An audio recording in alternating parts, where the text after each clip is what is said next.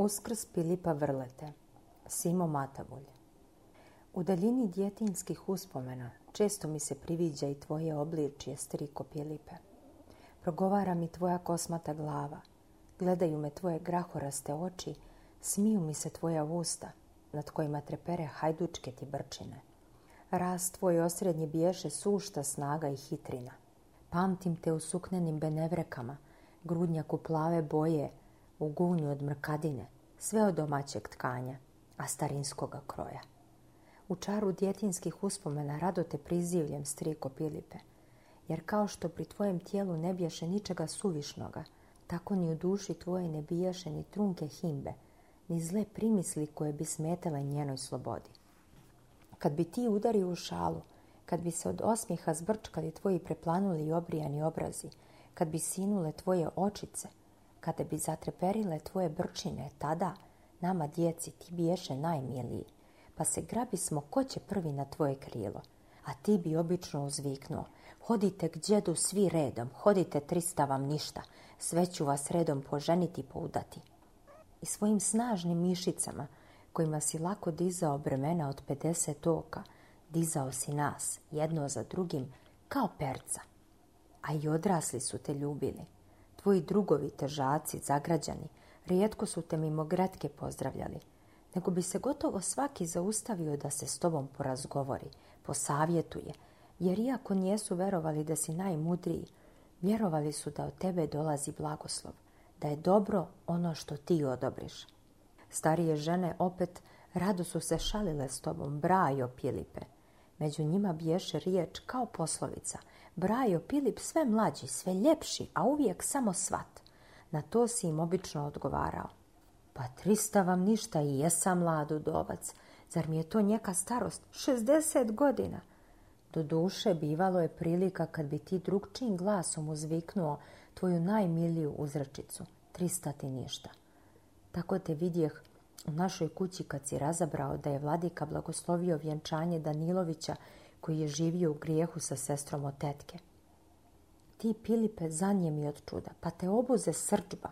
Vikao si, kakav vladika trista u njegovijeh, zar vladika može dopustiti ono što Bog zabranjuje? A bivalo je, Pilipe, da ti plačeš kao malo dijete, a mi svi oko tebe da se smijemo. A što da krijem, ti si ljubio vino kao i svaki primorac, a kao i svakom čovjeku u vinu se pokazivala tvoja prava čud a tvoja prava čud bila je bolećiva, te čim bi se napio, odmah bi udario tužnjavu, sjećajući se svakoga zla koje si podnio, i ti i tvoji susjedi, poznanici i bijeli svijet. Spominjem se dobro što si u jednoj takoj prilici govorio za svoga luku. Nije da kažem rđa, nije nepošten, nije lijen, nije protivan Bogu, ali nije pristao među ljude.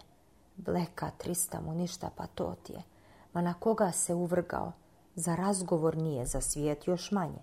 Da nešto upravi ili uradi iz svoje glave, to najmanje. Pa na kome će kuća ostati? A za snahu Lukinu ženu reče, pera je i radna i poslušna i pametnija nje što od one bleke. I poštuje mene i ljubi onu bleku, ali je s njom ušlo prokletstvo u kuću, jer i sveto pismo kaže da je žena nerotkinja prokletstvo. Nada sve Pilipe, bio si bogomoljan mimo primorce obaju zakona. U tome ti biješe odvojio od tvojih vršnjaka, a kamoli od podmlatka. Tvoji vršnjaci, Nikola Slamuša, Jovan Krpuša, Jakov Korda i Triva Pozdrb, već bijehu počeli mrsiti srijede i tratiti dobar dio Božitnjeg i Petrova posta. A ti si se ne samo uzdržavao od mrsa, kako crkva zapovjeda, nego si pride postio po nedjelju, Pokrovu, Vračevima, Aranđelu i Savi. Osim toga, jednoničio si uoči velikih praznika, osim toga uz cijeli veliki post, kad je primorcu najteži rad, kad bi se uveče loman vratio od kopanja vinograda, nikada večera on jesi, što ne bi prije položio 40 metanija pred ikonom bogorodičinom, koja je visila na tvojim krevetom. Dokle bi ti ničice padao, šapćući starinske bošnjačke molitve, dotle bi Luka i Pera sjedjeli kraj ognjišta, nestrpljivo očekujući večeru. A što mi je za čudo, Pilipe, nijesi se ponosio svojim bogomoljstvom. si drugi oštro osuđivao zbog odstupanja od starinskih pravila, kao što rado čine prosti ljudi bogomoljci, nego si kroz prste gledao tuđe greščice, samo što bi ponekad blago savjetovao, nemojte tako, tristavam vam ništa – Nijesmo na svijetu za hiljadu godina, nego za trenutak. Kad bi se govorilo o bezakonju koje uzimlje maha, ti bi završio. Balaj, neka radi svijet što god hoće. Opet će se on Bogu okrenuti kad mu nevolja dojadi. Tako je bilo i prije Isusa. I ti, Pilipe, pravedniče i bogomoljče moj, dobra dušo, ti koji si sa tvrdim nadanjem očekivao mirnu, nepostidnu končinu, bez boljezni, ti svrši onako žalosno da ostade za priču. One godine, nakon vanredno dobre ljetine, nastadoše mesojeđe vrlo rano i započeše veselja kakva dotle ne zapamtiše u ribniku. Građane i zagrađane, težake i lacmane, bogate i uboge, mlado i staro, sve obuze pomama. Po zagrađu puška nije predušivala. Toliko svadba nije prije bivalo ni za tri godine – Zanatlije se ne triježnjahu po krčmama. S večera do zore pjesma se orila po ulicama. Jutra ne osvetiše, a da se njekome ne čuje pust glas, jer se krv mladićka nemilice proljeva. Četvrtkom i nedljeljom od podne tijesne ulice ribničke bijahu pune karađene mladeži, a kako se primicahu dani od paštanja, tako je i pomama rasla. Te pošljednjeg dana nije si mogao sresti ni dijete, ni babu ni starca u nekoliko neprerušena. Šta ćete više kad Pilip Vrleta obavio glavu čalmom, a za čalmu zadjede kitu ruzmarina, a za pojas golem bjelokorac predvodeći desetak slamuša, kordića, krpuša i pozrba. Pošljednji je išao Luka, bleka, sa velikim ješčićem vina o ramenu. U onolikoj vrevi Pilip i družina ne svraćahu pažnju na sebe – dokle se ne sretoše sa maškarama, sa pravije maškarama koje nošahu slamenoga krnevala obučena u šarene latinske haljine sa visokim klobukom na glavi. To se desi pred gradskim vratima. Tada Pilip istrže nož vičući. Stoj, tristati ništa, stoj, lacmanski sine, ko si ti? Maškare, poznavši Pilipa, zabezeknuše se, a kad on ponovi pitanje, onda stotinu grla viknu. Trista ti ništa, ovo je krneval. Je li ovo ona iz mletaka trista mu njegovih? Jest, jest, Pilipe. A tebe sam tražio lacmanski krnevale. Kamo harač bre? I Pilip zavitla nožem, a krneval sav uzdrhta, a u gomili se zaori smijeh. Ne sjeci ga, viknu veliki sudija vođ maškara. Hajde s nama da mu najprije pročitamo presudu. I povorka se isuka iz gradske šupljaje, pa se raskola oko krnevala. Doduše, Pilip i njegova četa ne učestvovaše u spaljivanju krnevala, koje je po običaju izvršeno bilo u prvi mrak na velikom trgu. U to doba Pilip Krpuše korde pozdrbi sjeđaš u prostranom dvorištu braće Krpuša. Pilip ubiješe doba plaču i tužnjavi, te je toga večera kukao samo za starijim vremenima i vitezovima. Tako su poslije pričali. Prođe i to kao sve, a lišcu se brzo vidi opašce. Nakon bučna veselja u gradu i zagrađu zavlada tišina i sumornost. Svak se lati svoga obična posla, a trijezneći se svak se i prepade – jer prvih dana posta svakog večera, poslije blagoslova latinski popovi grmljahu sa propovjedaonica, proričući propast ribniku zbog njegove raskalažnosti, zbog trinaest što mrtvijeg, što ranjenijih ljudi. Govorilo se da i starac Kaluđer sočinjava oštro slovo koje će izgovoriti prve posne nedjelje, da će u njemu izdaleka ali jasno prigovoriti Pilipu i svijem slamušama, krpušama, pozdrpima i kordićima. U tome proteče šest dana, a na osvit nedjelje zabjesni taka strahovita bura da je malo ko iz kuće izišao. Toga dana do podne mi, djeca, ne odmica smo se od ognješta. Vjetar je duhao neiskazanom silinom, jurišajući na krov, na kapke, na dimnjake. Tetka je tutnjela po kući raspremajući sa najamnicom. Kad pred ručak i ona sjede kraj vatre, ostade za dugo, mučaljiva, namrštena. Jednom progovori kao za sebe. Bože moj, je li Brajo Pili bio u crkvi? Baš mi ručali na ognještu kad bahnu Luka Pilipov, blijed, zadihan i smrznut. Otko ti po ovakvom vremenu, ako Boga znaš? Zapita tetka razrogačenih očiju. Luka sjede, okrete glavu od nas i otre dlanom oči. Biješe mu ispod 40 godina, visok, suh, riđ, jedino brčinama napominjaše oca, ali se brci ne slagahu sa njegovim litavijem pogledom. Ama otku ti bolan? Pripita tetka. Eto, doidim od kaluđera. Pome, zvao ga da pričesti ćaću. I priznu plač. Zanijemi smo od čuda. Tetka jedva progovori. Šta govoriš, bolan? Zar se ća naglo razbolio? Nije naglo, žalokanj ti sam. Leži logom, od onoga, eto ti. Ama od kada jadan? Ama od maškara, eto ti. O, gospode, i ti dolaziš sedmi dan da mi javiš. I to kad je pri skončanju, ako je istina. A nije on dao, ti znaš njega, veli mu ja, hajde ća. Tetka ga prekide. Ama šta je Pilipu, je li punta? Nije punta.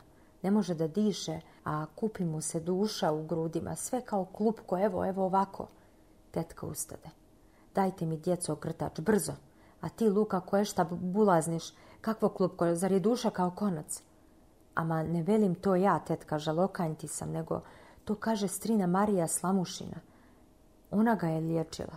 Kuvala mu piriku i vruću puru, stavljala mu na grudi.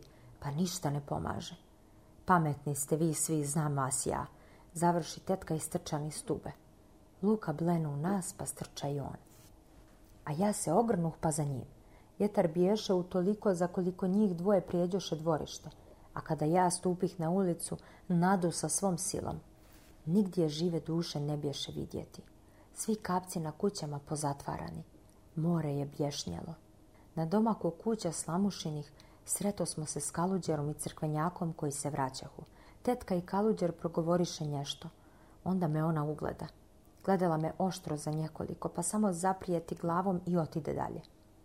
U dobrom i poznatoj gornjoj kamari biješe oko kreveta desetak ljudi i žena. Pera, suha, crnomanjasta žena držaše čelo glave zapaljenu voštanicu. Razmakoše se. Pilip je sjedio, naslonjen na mutavu trubu savijen.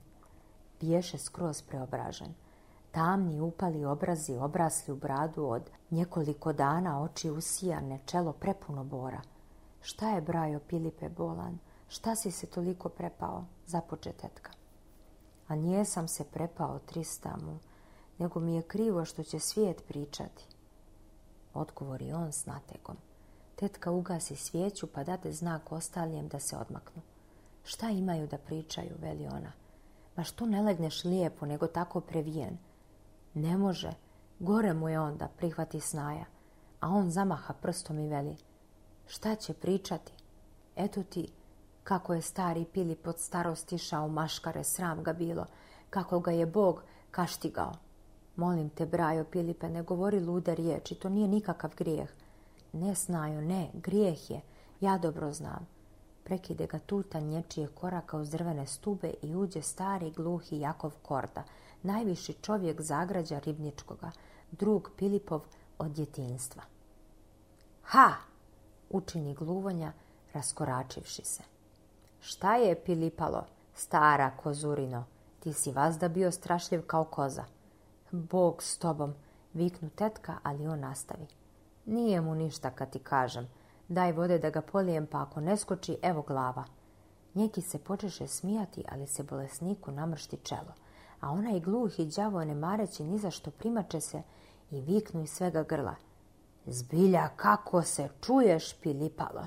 Pilip nas iznenadi viknuši gotovo kao i korda. Još malo pa dobro, ali i ti ćeš za mnom prije nego što misliš. Od naprezanja iznemože i zakovrnu očima. Pera zakuka. Jedan krpuša pripali voštanicu na kandilu. Svi se prekrstiše. Bolesnikove grudi užano se nadimahu, pa poče teže dihati. Njeko šanu, sad će. Ali odjednom Pili pogleda nas i zapita. Gdje je Luka?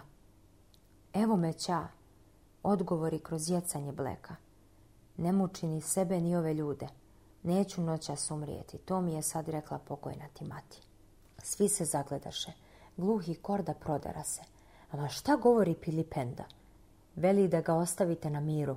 Viknu tetka pa izgura mene prvoga pa sve ostale. U dvorištu krupuše, slamuše kordići i pozdrapi umalo ne dođoše do ruku jer gluvonja viknu. Ode, Pilipenda, ode! I pravo je vala, neka ga vrag nosi. A kao zašto je pravo, stara tovarino, izdare se Nikola Pozdrb pašenog Pilipov. Ti si ga naveo na grijeh, ti si ga nagovorio da ide u maškare. Bilo bi pokora da ih žene ne razdvojiše. Ali prođe šest nedjelja posta, a stari žilavi primorac nikako da se s dušom rastavi. Luka i Pera dvorili su ga svojski – ali na mahove oboje bi se zagledalo u njega, kao da pitahu, bogati ča, hoće li se to kad svršiti? A ča, odgovarajući glasno na njihova njema pitanja, govoriše, boga mi, djeco, i ja jedva čekam da svršim, ali ne mogu na silu. Ja sam s tetkom još dva puta bio svjedok kad su mu palili svijeću. Svijet se poče baviti čudnijim događajem. Od njekuda poše glas da je Pilip morao nešto teško zgriješiti – osim maškara, te se neće moći sa svijetom rastati, dokle se javno ne ispovijedi. Malo pomalo to postade mišljenje cijeloga ribnika. Po svojoj prilici to su vjerovali Luka i Pera. Bilo je govora da se to bolesniku pomene, ali pred onijem mučeničkim licem, pred onijem blagim pogledom, pored uspomena na njegovo prošlo življenje, niko ne imađaše srca da to učini.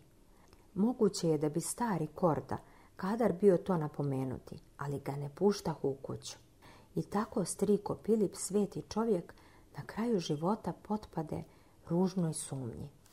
Najzad na veliki ponedeljak Pilip suviše oslabi, te se svakoga trenutka očekivalo njegovo skončanje. Ali Pilip dočeka i uskrs, osvanu divno proljetnje jutro. Crkvena porta bješe dupkom puna, kad zvona zabrujaše, kad se zaori pobjednička pjesma Hristos Voskrese, kad sveštenik pred narodom uđe u crkvu, tada ja i tetka među pošljednjim bogomoljcima ugleda smo luku Pilipova. Ne bismo se većima začudili da ugleda smo glavom Pilipa. Luka je metanisao. Ispravljajući se, on je dizao ruke k nebu i izvraćao glavu, kao što nikad ni od koga nije mogao vidjeti u ribniku. Svi okoni gledahu ga u najvećem čudu. Tetka i ja jedva se progura smo do njega. Ona ga povuče za gunj. Šta je Luko bolan, je li Čača živ? On se najprije zagleda u nju. Kao da ne razumijevaše šta ga pita. Pa uteče iz crkve. Mi se nada smo za njim. Stani bolan, stani za trenutak. Najzad se ustavi i stade zvjerati oko sebe kao da se boji nječega.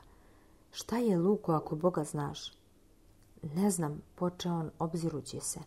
Velika je stvar. Ća me je poslao u crkvu. Zakleo me je svačim na svijetu da idem. Rekao mi je, idi sine, pa kad zazvone zvona, kad se zapoji Hristos voskrese, onda ću i ja vaskrsnuti. Bog mi je učinio milost da umrem u trenutku kad pravednici umiru. Luka otrče. Tetka ostade kao ukovana, pa joj lice sinu prekrsti se i reče. Slava tebi, gospode, dobri moj Pilipe, blago tebi. I pođo smo najbržim korakom za lukom. U dvorištu zateko smo peru, gdje cijepa drva. Tetka se naslonila na dovratak i stavi ruke na grudi. Šta je pera, je li preminuo? Pera slegnu ramenima, baci sjekiru pa sjede na kladu i briznu plač. Šta je, govori? Nije umro. Ne može da se rastavi sa dušom. Odgovori žena kroz jecanje. Onda i tetka sjede da plače. Koliko smo tako čajali, ja ne znam. Tek me trže žagor s ulice i tutanj koraka. Uđe prvi i Jakov Korda, a za njim slamuše, krpuše, korde i pozdrapi, njih desetak. Pred kutnjim vratima Jakov se okrete i raširi ruke rekavši Hajdemo, braćo, na moju dušu sav grijeh. Tetka vrisnu i htjede poteći prije njih, ali izne može. Oni ustrčaše uza stube, ja se popeh pošljednji. Pilip je ležao kao i vazda. Luka je sjedio na kovčegu. Pošto obkoliše krevet, Jakov stade čelo nogu, raširi ruke i stade vikati. Ristos voskrese, Pilipe brate, Ristos te zove, Pilipe brate, a mi ćemo da izvršimo stari običaj, pošto ne možeš da se rastaneš dušom. Pilip ga gledaše užasnut. Pogleda naokolo pa malo diže ruke. Grozni starac dodade. Praštajte se s njim, braćo, pa da ga prihvatimo. Diže se otmula grmljavina od glasova. Oprosti, Pilipe, praštaj, Pilipe, s Bogom striko, Pilipe. Za divno čudo ni tetka, ni pera, ni luka, kao da nema moći ni snage da progovore, ni da mrdnu, premda im se vidjelo na licu da se protive, te u tren Boži kordići pozdrpi slamuše krpuše, spopadoše bonog, iz nemoglog starca i ispraviše ga, a on zatrepta očima i glava mu klonu. Onda ga najlak spustiše i počeše ga redom cjelivati. Tetka, Pera i Luka zakukaše, a i kuknjava i dan danji odjekuje ušima. Moj nezaboravljeni striko Pilipe.